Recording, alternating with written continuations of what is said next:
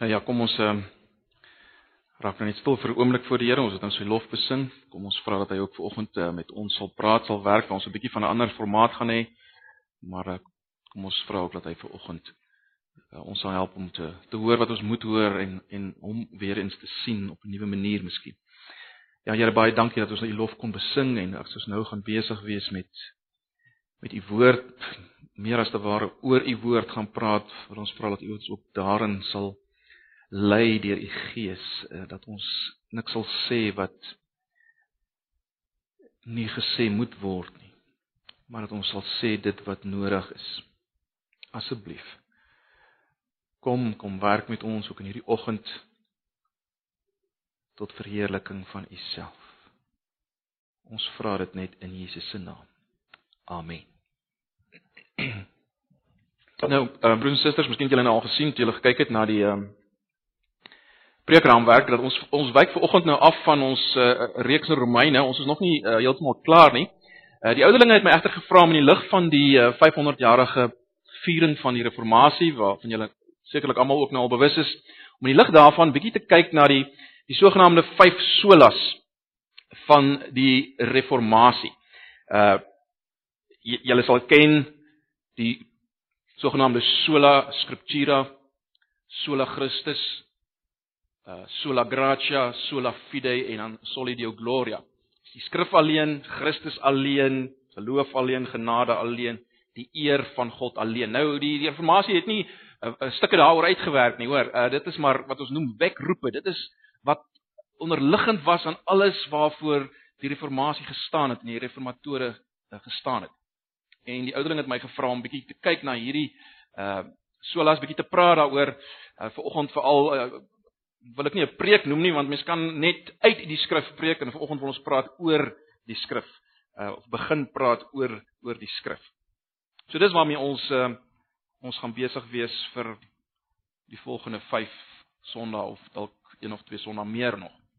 Nou uh, in 1519 uh, was Martin Luther betrokke in 'n debat met 'n sogenaamde Johan Eck, 'n baie beroemde redenaar En uh, op sy kenmerkende wyse het Luther gereageer teen wat ek gesê het.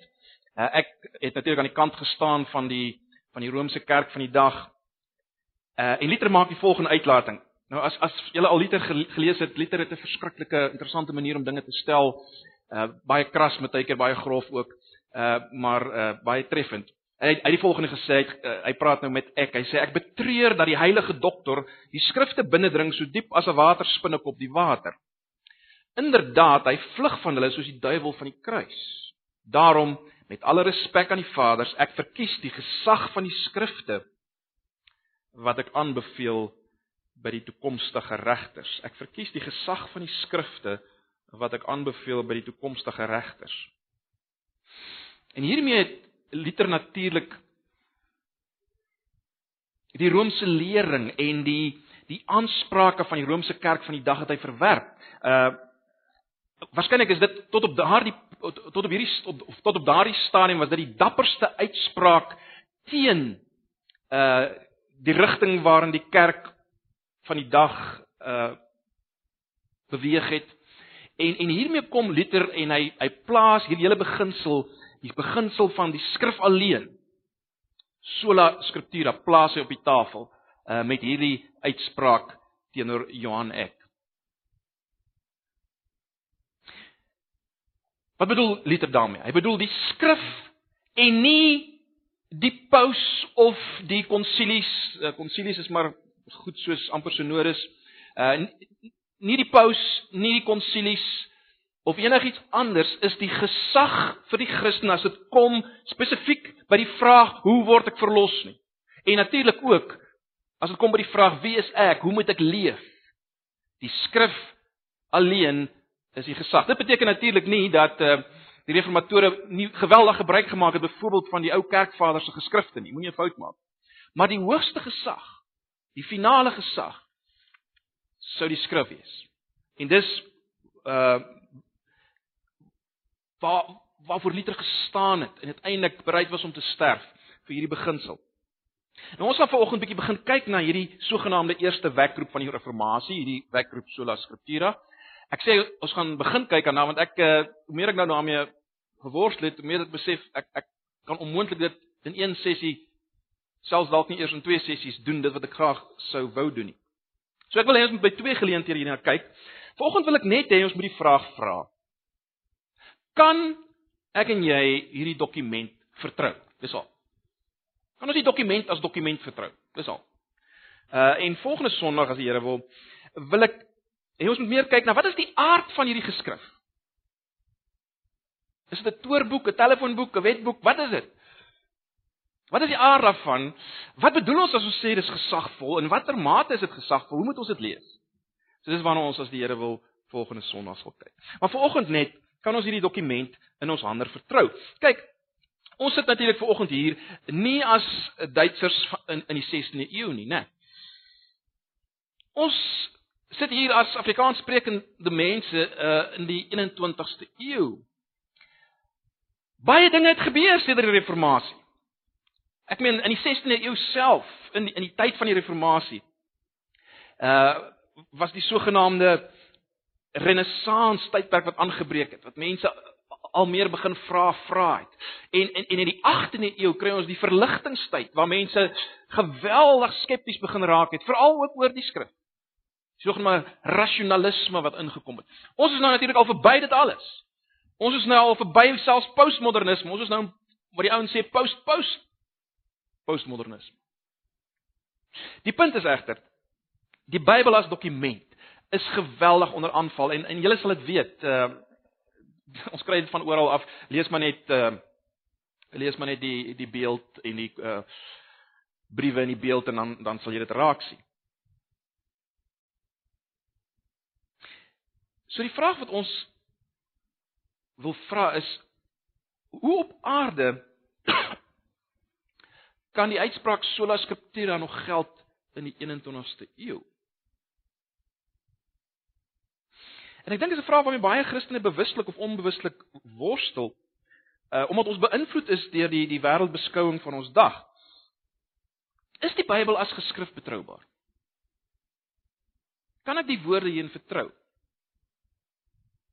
Anders gestel, is dit ten minste 'n logiese ding en en dis belangrik. Is dit ten minste 'n logiese ding om ges, hierdie geskrif te neem vir dit waarop dit aanspraak maak, naamlik dat dit die woord van God is? Is dit logies om dit te doen? En ons moet eerlik hierna kyk. Dit help nie ons pas volstryspolitiek toe nie, né? Jy weet wat bedoel ons met volstryspolitiek. Jy druk jou kop in die sand en jy sê maar net, "Man, ek glo die Bybel is die woord van God en ek worry nie wat al die ander ouens sê nie, ek gaan net aan." Dis volstryspolitiek. En ek dink nie ons as skepsels van God moet so daarmee omgaan nie. Ons moet ons denke gebruik. Ons moet baie logies, nigter, redelik dink hieroor. So ons moet eerlik hierna kyk. Iemand het op 'n stadium, ek weet nie wie dit is nie, die stelling gemaak en dit het my altyd bygebly eh, eh, in Engels nou. Dit kom daarop neer. Hy sê dit wat die kop verwerp, kan die hart nie glo nie.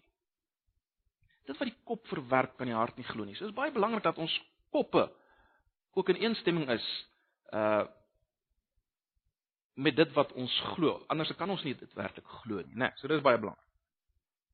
Nou, ons moet natuurlik onthou en en ek dink ons weet dit, maar ons vergeet dit mis, miskien met tydjie. Ons moet onthou die Bybel soos ons hom het vandag, het natuurlik nie pragtig toegemaak in 'n plastiek sakkie uit die hemel uit neergeval nie, né? Nee. Ons sou dit graag so wou gehad het, maar ongelukkig het dit nie so gewerk nie. Dit het nie so gewerk. 'n baie baie ou dokument duisende jare oud en uh, het 'n baie lank pad geloop om uiteindelik die vorm te kry waarna ons dit nou het. So kom ons kyk 'n bietjie na hierdie dokument. En ag, wat wat is volgens gaan doen? Krap natuurlik net op die oppervlak hier aan. Dit is 'n geweldige groot onderwerp. Ons kan 'n hele jaar lank net daarmee besig wees, né? Nee. Maar kom ons dink net vir 'n oomblik bietjie aan hierdie dokument. Kom ons dink aan die Ou Testament. Kom ons dink net bietjie oor die Ou Testament eers.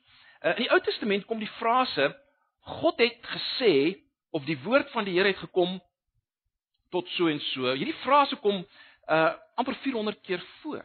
En dis insiggewend.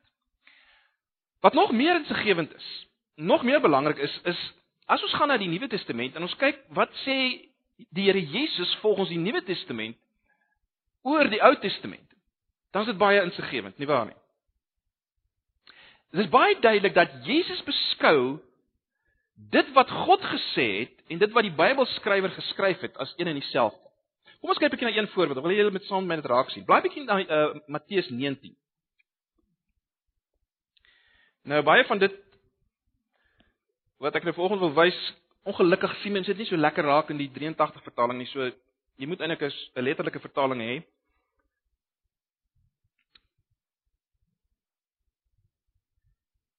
Alhoewel Matteus 19 is 'n geval waar ons wel die 83 ook kan gebruik.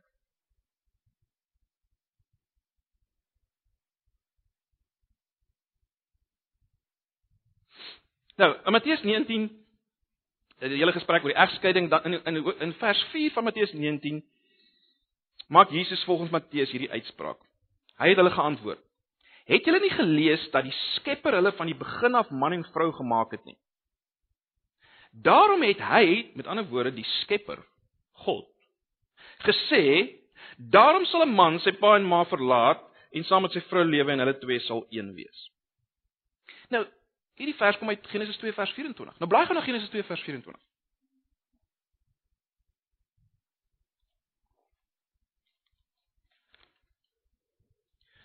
As ek reg is, ek net doodseker maak. Ja. Sien Genesis 2 vers 24? Onthou nou wat het Jesus gesê? Jesus het gesê God het gesê 'n man sal sy vader en moeder verlaat en sy vrou aankleef. Maar wie sê dit hier? Wie sê dit? Wie skryf dit? Wie sê dit? Sien jy? Nee nee, maar wie wie wie praat hierso? Nee, God praat nie. Die skrywer praat. Die skrywer skryf dit. Sien julle dit? Die skrywer skryf dit net. en Jesus sê God het dit gesê. sien julle wat ek probeer sê? Vir Jesus is dit wat die, skrywer van die Ou Testament sê en wat God sê, lyk vir my daar's nie vir Jesus 'n kontradiksie daarin. sien julle dit? Dit is belangrik dat ons dit raak sien. Kom ek gee julle nog 'n voorbeeld, Paulus. En hiervoor moet julle ongelukkig nou die 53 vertaling hê want die 83 verander net 'n bietjie en dan gaan dit uh, verlore. Blaai ek na Romeine 9 vers 17. Hier is net net die teenoorgestelde. Hier kry ons net die teenoorgestelde.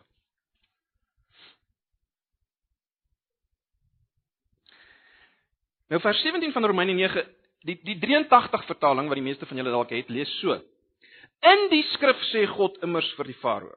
Dit dis soos die 83 het. Maar maar letterlik is dit nie wat daar staan nie. Uh julle sal dit sien hoe dit is in die 53 vertaling daar staan, want die skrif sê aan Farao: Jy's hier voordat ek jou laat optree dat ek jou uh, dat ek in jou my krag kan toon en so meer. Nou bly nou na Eksodus 9 vers 16. Eksodus 9 vers 16.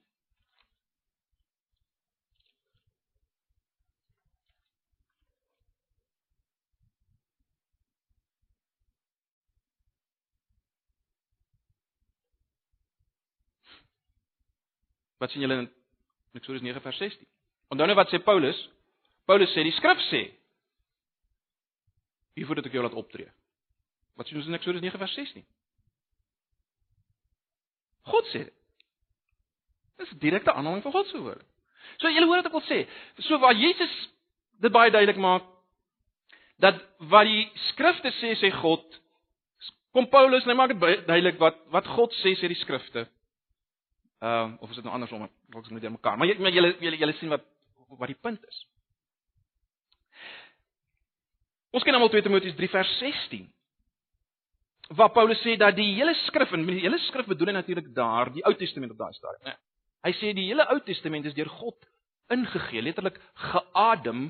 Let wel nie sodat jy uh net slim kan wees oor die Bybel nie, maar sodat jy toegerus kan wees vir elke goeie werk sodat jy reg kan lewe. Maar belangrik. Paulus sê die hele Ou Testament, die skrif, die Ou Testament is deur God geadem. Deur God uitgeblaas, as jy dit nog meer letterlik wil stel. Petrus sê in 2 Petrus 1 vers 21 die volgende. Hy sê want geen profesie is ooit deur die wil van 'n mens voortgebring nie, maar deur die Heilige Gees gedrywe het die heilige mense, dis die Ou Testamentiese skrywers waarvan hy praat, van God gespreek.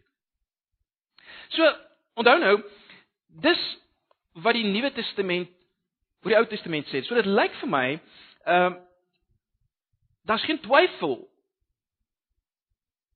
in die Nuwe Testament oor die feit dat die Ou Testament God se woord is. Ons ons kon nog baie baie ander aanhalinge gebruik het.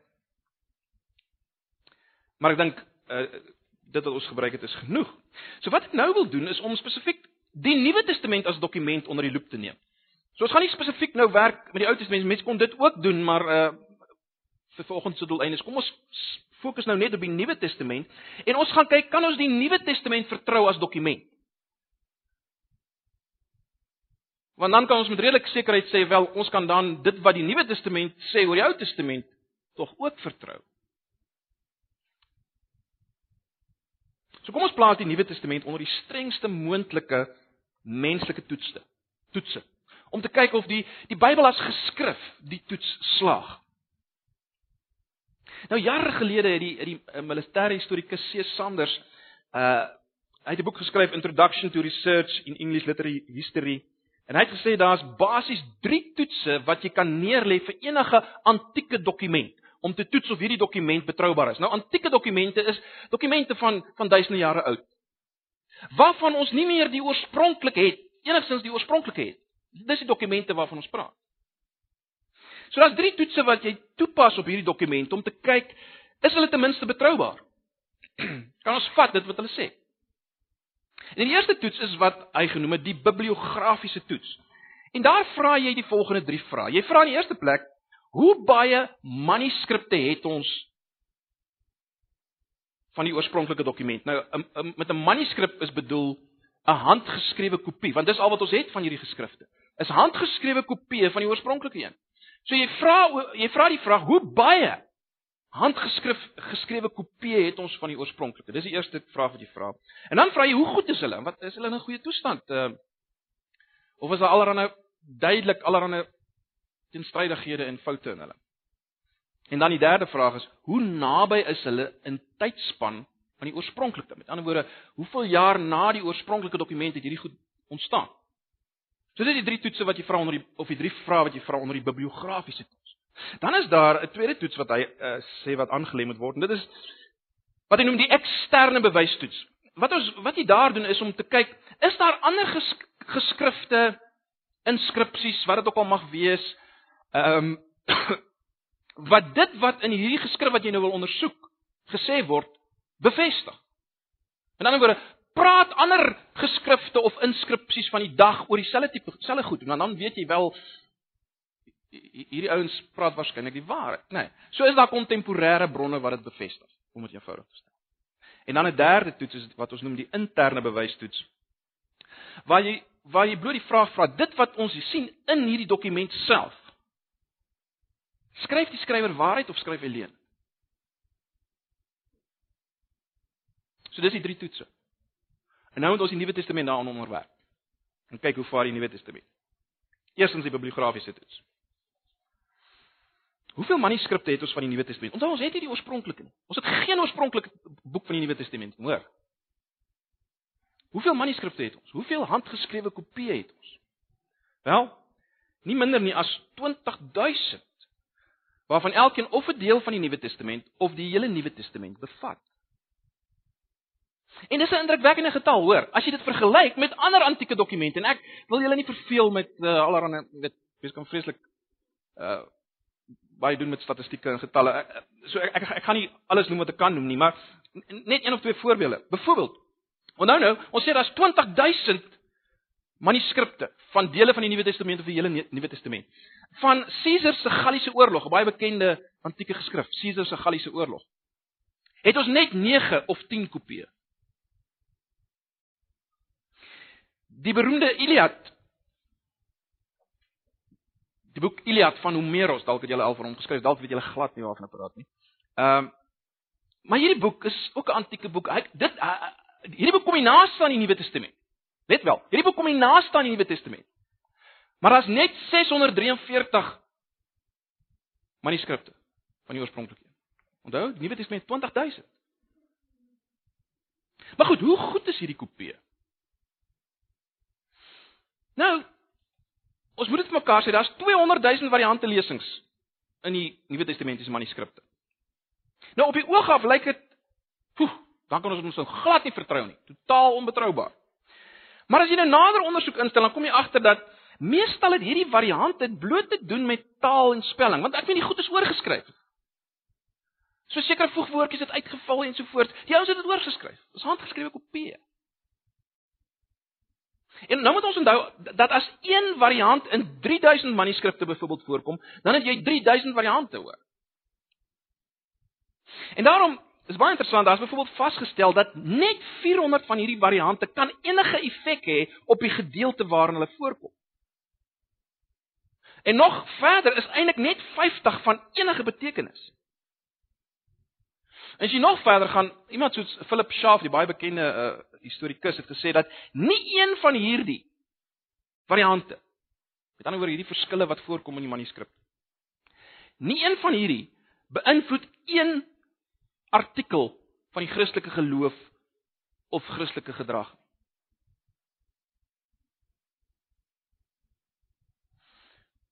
Hoe vaar die ander geskrifte?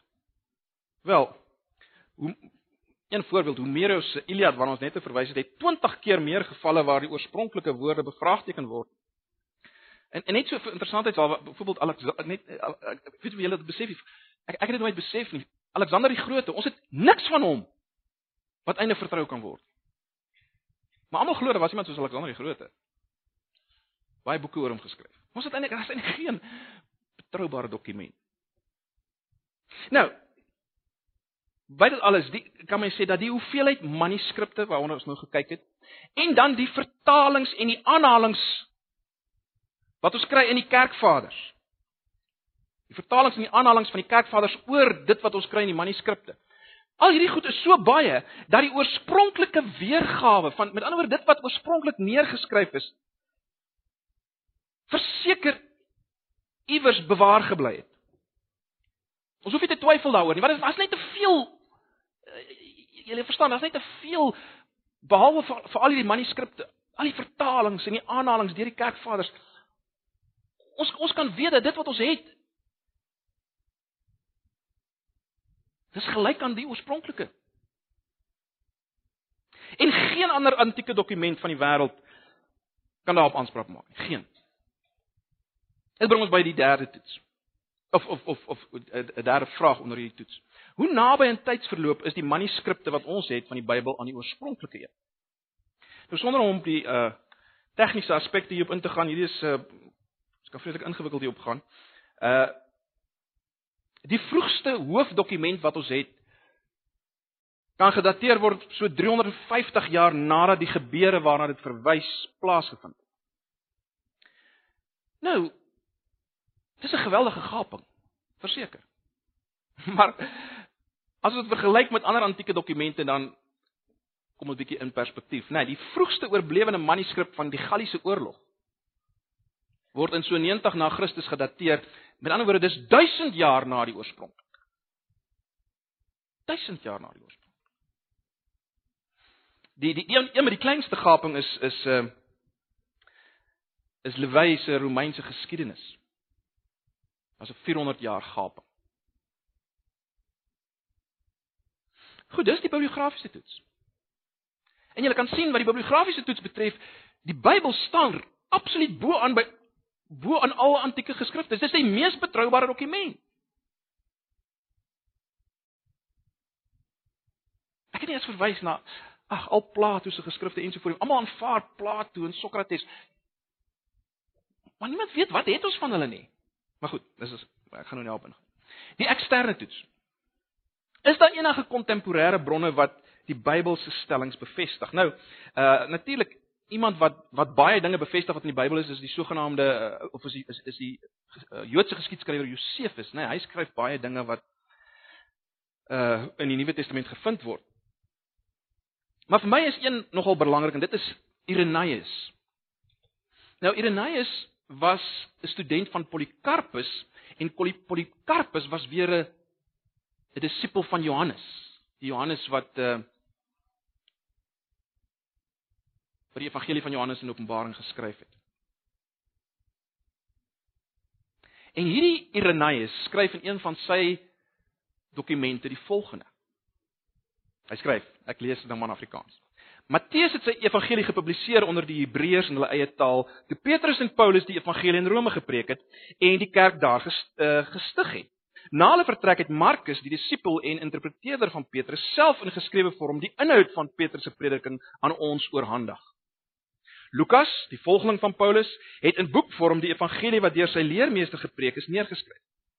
Johannes, die disipel van die Here, wat ook teen sy bors gelê het, het sy eie evangelie geproduseer terwyl hy geleef het in Efese in Asië. Dis wat Irenaeus sê. Ek dink nie mense kan nader kom as dit nie. Hier het ons die woorde van 'n persoonlike vriend van 'n vriend van die een van die oorspronklike outeurs van die Nuwe Testament. En hy bevestig. Hy bevestig dit. Ek wil net 'n laaste iets noem onder hierdie toets bietjie van 'n ander aard, maar Dit gaan oor Sir eh, William Ramsay, dalk het julle al van hom gehoor. Hy was 'n baie baie briljant op sy tyd, een van die briljantste argeoloë gewees. Uh hy was 'n professor in klassieke kuns en argitektuur aan Oxford. Hy het 9 ere doktorsgrade op daai stadium besit uh, aan universiteite in Europa en in Amerika. Uh in 1960 is hy tot ridder geslaan vir sy diens aan die akademiese wêreld. En en hy's opgelei om te wys aan te dui dat die Bybel nie regtig akkurate historiese feite bevat.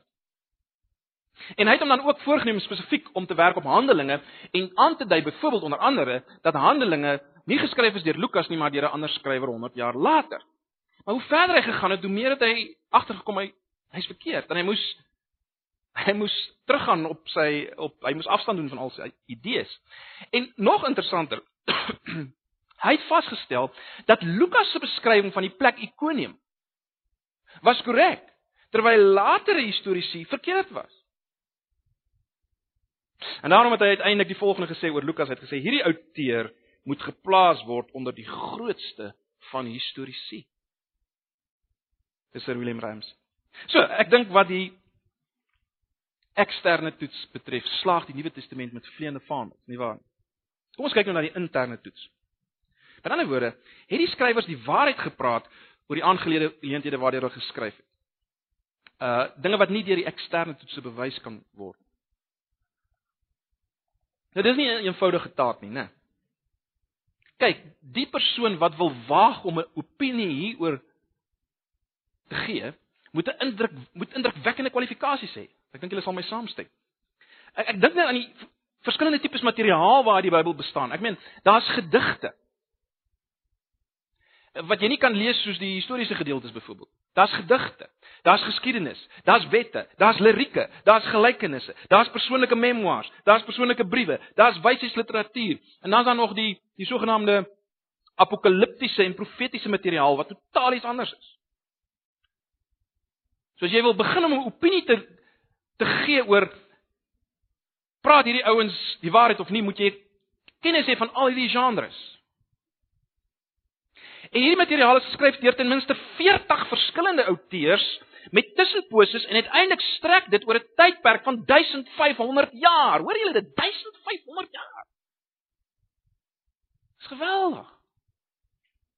En hierdie outeurs kom uit verskillende tydperke en lae van die samelewing. Hulle het verskillende persoonlikheid, eh, persoonlikhede, hulle verskillende skryfstyle en vaardighede. En dis maar net die begin van die kritisie. Met ander woorde, die ouens wat nou die Bybel sou wou verkeerd bewys. Dis dis net die begin van hulle probleme. Uh want as jy wil bewys dat die Bybel in aanhalingstekens verkeerd is, dan moet jy 'n baie baie goeie kennis hê van Grieks, Hebreëus en Aramees. Voor jy enigsins jou mond kan oopmaak. Tesame daarmee moet jy baie deeglike kennis hê van die konteks waarin elke boek geskryf is, die omstandighede van die persone aan wie geskryf is. Daarvan moet jy ook kennis dra.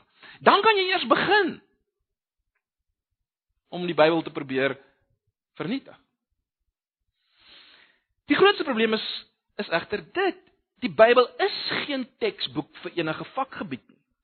Eh, die Bybel en ons sal nou volgende Sondag daaroor praat, handel oor die groot verhaal van die werklikheid. Die Bybel gaan oor God, die mens en die geskaapte werklikheid en die verhouding met mekaar. Dis waar die Bybel gaan. En geen eerlike, intelligente kritikus kan daarop aanspraak maak dat hy gesagvol op hierdie gebied is nie dat hy autoriteit op hierdie gebied is. Hoe op aarde kan jy dit doen sonder om van jou kop af te wees? So die die die, die hele onderwerp is eintlik buite die raamwerk van enige menslike wese.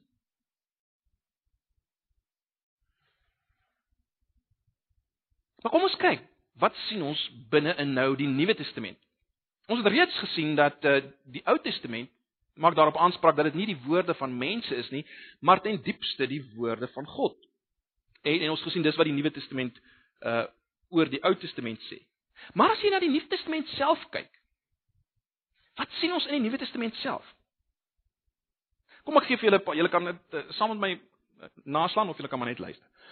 kom ek kom ek gee 'n paar uitsprake. 1 Korintiërs 14 vers 37. Daar sê Paulus die volgende.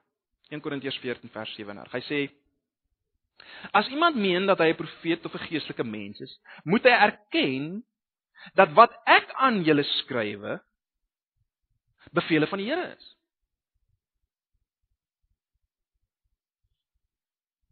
Dan 1 Tessalonisense 2 vers 13. Hierdie is 'n geweldige belangrike vers. 1 Tessalonisense 2 vers 13.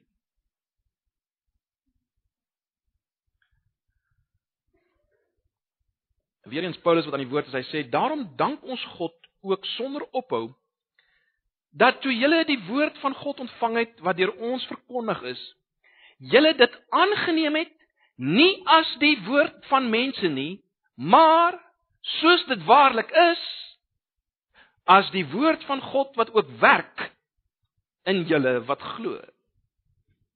Hoe hoe hoe hoe duideliker kan jy wees as dit? Paulus sê Paulus sê dit wat ek aan julle verkondig het Ek is so bly julle dit aangeneem as die woord van God, want dis wat dit is en en dit werk in julle. Dis 'n lewende ding. Dit dit werk.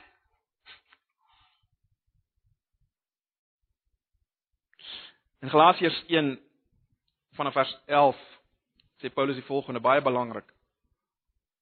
Hy sê maar ek maak julle bekend broeders dat die evangelie wat deur my verkondig is nie na die mens is. Vers 12 van Galasiërs 1. Want ek het dit ook nie van 'n mens ontvang of geleer nie, maar deur die openbaring van Jesus Christus.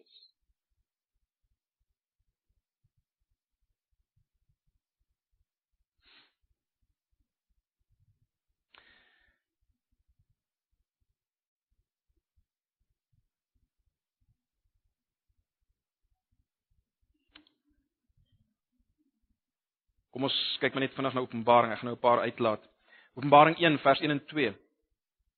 Sê die volgende: Die openbaring van Jesus Christus wat God hom gegee het om aan sy diensknegte te toon wat gou moet gebeur en wat hy deur die sending van sy engel aan sy dienskneg Johannes te kennis gegee het, te kennis gegee het. Wat getuig het van die woord van God en die getuienis van Jesus Christus, alles wat hy gesien het.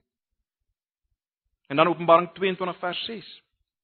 En hy het vir my gesê hierdie woorde is betroubaar en waaragtig en die Here, die God van die heilige profete het sy engel gestuur om sy diensknegt te toon wat gou moet gebeur. Uh, ons ons weet uh, uh, Openbaring is dinge wat Johannes gesien het. Maar wat het hy gesien? Hy het gesien dit wat aan hom gewys is deur die engel. Dit kom direk van God.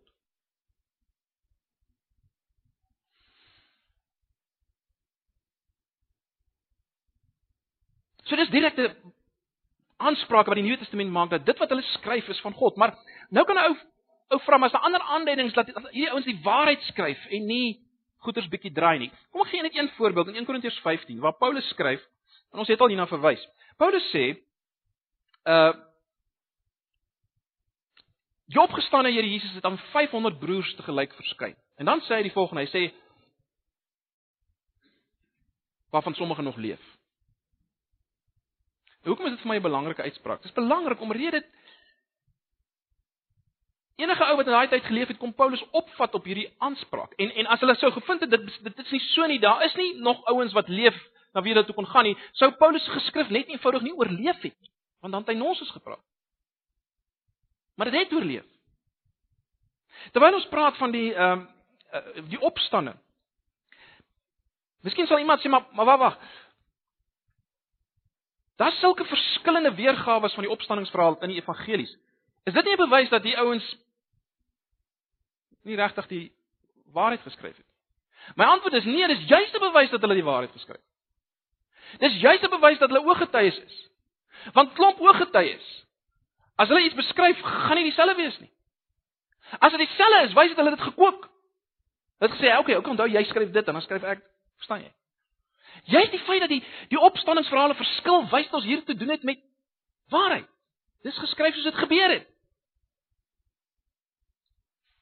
Ek het daarna verwys die die die blote feit dat hulle byvoorbeeld ook verwys na die feit dat vrouens eerste Jesus gesien het na die opstanding is 'n bewys van die waarheid van hierdie geskrifte want as jy as jy wou iets gesagvol produseer dan sou jy nooit vrouens jou getuies gemaak het in daai tyd nie want vrouens was net eenvoudig onbetroubaar. Dis weet alhoewel vandag betroubaar is maar goed. In daai tyd was hulle dis nie gesien as betroubaar. So jy sou dit nie gedoen het in jou geskrif ten minste, né? Nee. So dis 'n verdere bewys dat dat ehm um, hulle hulle skryf die waarheid. En dan natuurlik Hebreërs 1 vers 1 en 2 waarna ons al baie gekyk het, sekerlik een van die belangrikste verse in die Nuwe Testament. Hebreërs 1 vers 1 en 2 wat sê in die verlede het God baie keer en op baie maniere met ons voorvaders gepraat deur die profete, maar nou in hierdie laaste dae het hy met ons gepraat deur die Seun. God het hom deur wie hy die wêreld geskep het ook erfgenaam van alles gemaak. Hebreërs 1 vers 1 en 2 sê dat die laaste volkomme woord van God is so volkome, is so volmaak dat dit God self is wat mens geword. Hy kon nie beter kommunikeer as dit nie. Jy kan nie beter kommunikeer as as as as om jouself te kommunikeer nie. God het homself so duidelik het so, so duidelik gekommunikeer dat hy homself gekommunikeer het. Jesus. En alles wat Jesus geskryf het en gesê het, is wat ons het in die Nuwe Testament. En in 'n sekere sin is baie interessant. Ek wil nie lank op ingaan nie, maar Dit wat ons sien in Jesus gee vir ons as te ware aanduiding van van wat, hoe die Bybel werk. Nou Jesus was God wat mens geword het in 'n sekere tyd, historiese tyd. Hy het gepraat en hy het gelyk soos die mense van sy dag, maar hy was meer as dit. Hy is God self. En hy is God se laaste woord. En dit sê vir ons iets van die Bybel se karakter. Die Bybel is aan die een kant het 'n goddelike karakter, maar aan die ander kant is dit menslik. Dis deur mense geskrywe in mensetaal en in menslike geskiedenis met menslike begrippe wat gebind was aan daardie tyd. Gelyk het soos daai tyd. Maar dit het 'n goddelike karakter. En en en dit gee vir ons 'n ware, ware sleutel om te verstaan waarmee ons te doen het. Maar goed, dis Hebreërs 1 vers 1 en 2. Geweldig, geweldig belangrik. Maar nou net baie vinnig. 'n Vraag waarmee baie mense worstel is: wie het besluit dat die 66 boeke wat ons nou het die Bybel moet vorm. Want daar was tog baie ander en verseker was daar baie ander. Baie baie ander boeke. Maar ons maak natuurlik 'n onderskeid. Ons ons maak 'n onderskeid en sê dit wat ons hier het is die sogenaamde kanonieke boeke. Die woord kanon beteken maar net maatstaf of maatstok. Met ander woorde dit dit het voldoen aan 'n sekere maatstaf. Ehm um, en die ander, die sogenaamde apokriewe boeke, het nie voldoen aan hierdie maatstaf. Maar dis 'n vraag vir baie Christene. Wie besluit nou dat hierdie 66 nou is die kanon? Uh, is daar nie ander boeke wat moet bykom nie? Kan daar nog geskrywe word vandag dalk boeke wat moet bykom? Dis dis 'n vraag, né? Nee.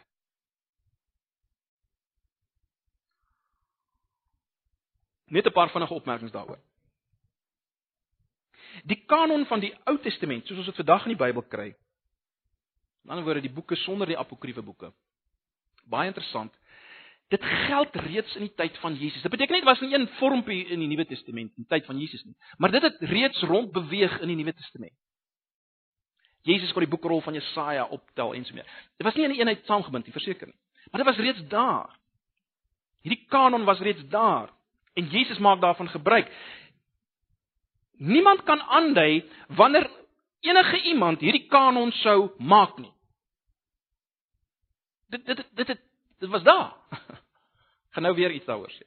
So dis die Ou Testament.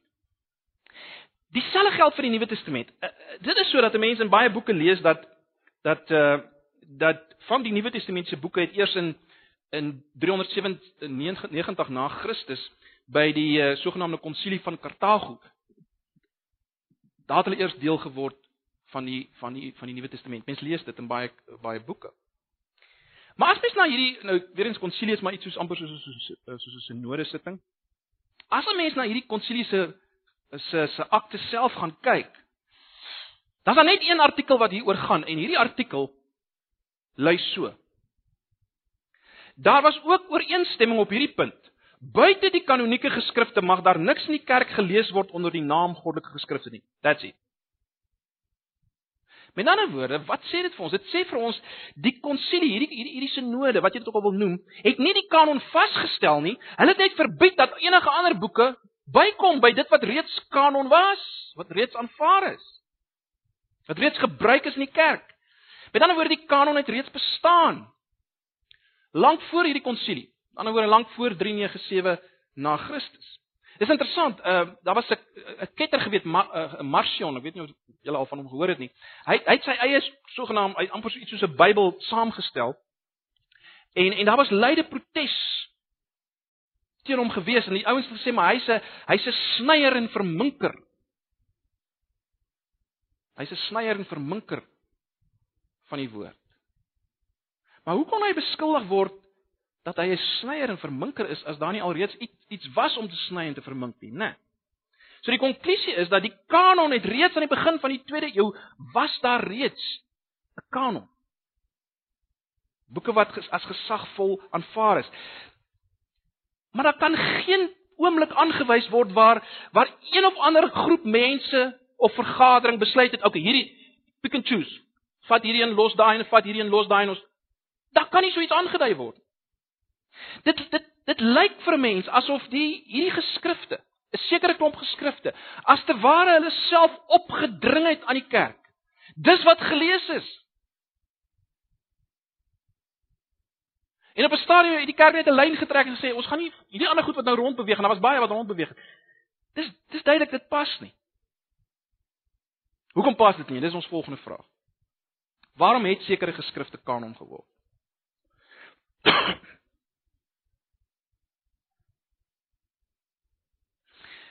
'n Eerste ding wat duidelik is van hierdie boeke wat deel geword van die kanon, beide in die Nuwe en die Ou Testament, is dat daar 'n een eenheid lê wat veranker is in die een outeer. Met ander woorde, 'n mens kom agter, dis een outeer wat hier aan die werk is. Daar's daar's net te veel van 'n een eenheid. Ek het reeds verwys na die Ou Testament waar mens baie keer die, die uitspraak kry, so spreek die Here of God spraak oor so en so. En dit is baie duidelik dat dat die boodskapper sy berig net so letterlik nou gaan weergee as wat ons vandag 'n 'n voicemail sou sou doen. Dit was die woorde van die Here. Nou, baie belangrik, die Nuwe Testament het baie duidelik reeds aanvaar dat daar so Ou Testamentiese kanon is, want die Nuwe Testament praat van die skrif of skrifte, enkelvoud of meervoud. Die Bybel eh, of die Nuwe Testament hanteer die Ou Testament as 'n een eenheid. Daar's die skrif. Daar is met ander woorde vir die Nuwe Testament was daar 'n skrif, die kanon. En daar was ander boeke wat nie deel daarvan was. En en hierdie skrifte is aangehaal soos ek sê as een gesagvolle bron.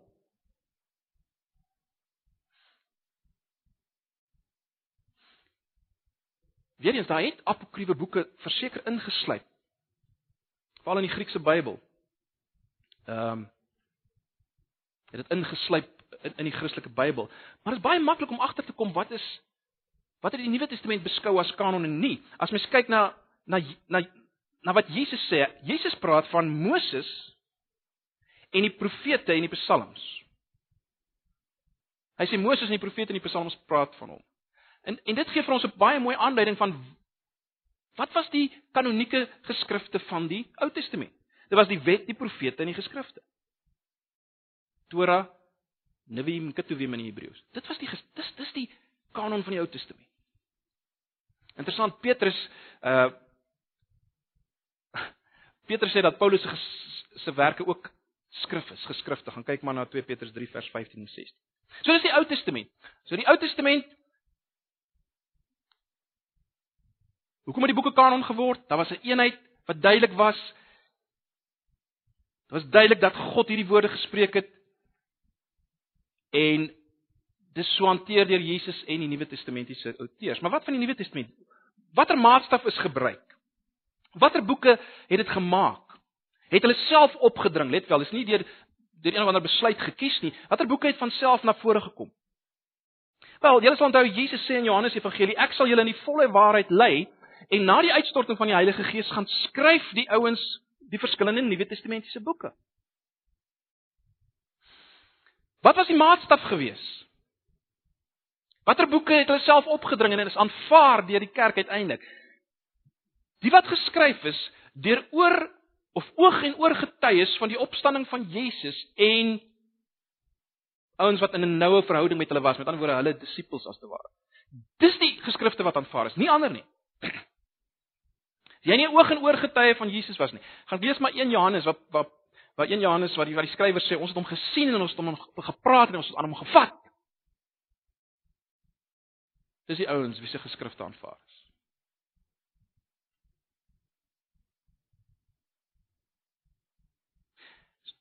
So daar's 'n eenheid van outeer. En hierdie eenheid van outeer en die eenheid van op, van die bron word onderstreep deur die eenheid van die inhoud, nê? Nee, ons sal volgens Sondag 'n bietjie meer daaroor praat, maar Jesus sê in Johannes 5 vers 39, die hele skrif, die Ou Testament praat van my. Daar's 'n eenheid in die in die inhoud. Daar's 'n eenheid in die inhoud. Net 'n laaste een of twee opmerkings wat die betroubaarheid van hierdie dokument bevestig. Dink net aan die bestaan van die kerk van die Here Jesus vandag. Die kerk wat groei ehm um, in lande soos China, in die Midde-Ooste en so meer. En waarop staan hierdie kerk wat so groei? Die skrif, die hierdie dokument wat ons het. En dis 'n bewys van die betroubaarheid hiervan. Die geweldige invloed. Dink 'n bietjie aan die invloed van die die, die Bybel. Eh, net wat betref uh die hoeveelheid vertalings. Geen boek is in soveel tale vertaal soos die Bybel nie, hoor. Selfs vandag nog in hierdie moderne tyd waarin ons is, is geen boek so baie vertalings en soveel tale vertaal as die Bybel. Dis die mees geleesde boek ooit. Boek. Steeds. Sover my laaste inligting uh aangedui. En dan is daar natuurlik die feit dat duisende duisende mense getuig van die krag van hierdie woord in hulle lewens. Nou ons weet dit nou dis subjektief, né? Nee, maar die punt is duisende en duisende mense getuig van die krag van hierdie woord in hulle lewens. Ag broers en susters, ons het nou net geraak aan aan al die bewyse van die betroubaarheid van die Bybel, maar ek ek hoop ons sien in vanoggend net dit dat dit is nie onlogies op 'n redelike vlak om werklik die woord van God aanvaar vir dit wat dit sê dit is nie, naamlik die woord van God. Natuurlik, as iemand nie oortuig wil word nie, sal hy nie oortuig word nie, want uiteindelik moet jy dit glo. En uiteindelik is daar die werking van die Heilige Gees wat wat vir jou oortuig soos jy besig is met hierdie woord, dit is die woord van God. En ja, dit is subjektief. Uh Maar dit is net so. Dit is so. En jy kan nie daarin stry nie, jy kan nie daarin beklei nie, dis 'n werklikheid. Die werk van die Heilige Gees wat ons verder vir ons bevestig. Dis dit, dis God se woord, dis wat hy sê. Ek sien dit, ek ek sien dit. Ag broers en susters. Weet jy hoe voel jy vanoggend oor die woord nie, maar mag die Here uh, in hierdie tyd weer opnuut met jou en my werk rondom dit wat ons in ons hande het en dat ons dit met vrymoedigheid kan gebruik Moenie laat die wêreld vir jou allerlei nonsens kom allerlei argumente kom gee wat nie water hou nie. Jy kan vanoggend ontspan oor die betroubaarheid van die dokument in ons hande. En dis al wat vanoggend belangrik is. Ek sluit af. Ons begin met Liter. Ek sluit af. Het iets wat Liter gesê het. En dit is baie belangrik. Die erns van sola scriptura, die erns maak met die woord was nie vir liter blote teologiese beginsel nie. Dit het sy praktiese lewe geraak. Hy sê die volgende, hy, hy sê vir, vir, vir vir verskeie jare nou het ek twee keer 'n jaar deur die Bybel gelees. Uh hy sê as jy die Bybel voorstel as 'n magtige boom en elke woord 'n klein takkie, dan het ek elkeen van hierdie takkies geskit omdat ek wou weet wat dit was en wat dit beteken. So dit was Luther se gesindheid. En mag dit ons gesindheid wees as ons besig raak met die Bybel. Broers en susters, dis ons enigste aanval en verdedigingswapen teen die duiwel. Ons moet dit vertrou. Ons moet dit gebruik. Mag die Here ons daarmee help. Volgende week sal ons nou verder kyk na wat presies is dit wat ons in ons hande het. En waarom sê ons dit gesagvol? Kom ons bid saam. Ag Here baie dankie dat ons maar net 'n paar gedagtes met mekaar kon deel rondom dit wat ons in ons hand het. Waarvan ons oortuig is vanoggend. Dis wat U wil hê ons moet weet van U van onsself van hoe ons verlos word van dit wat kom. Baie dankie dat ons so bevoorreg is om te leef in die tyd waarin ons dit het. Soos dink aan die duisende jare waar gelowiges dit nie gehad het. Ons dankie daarvoor. In Jesus se naam. Amen.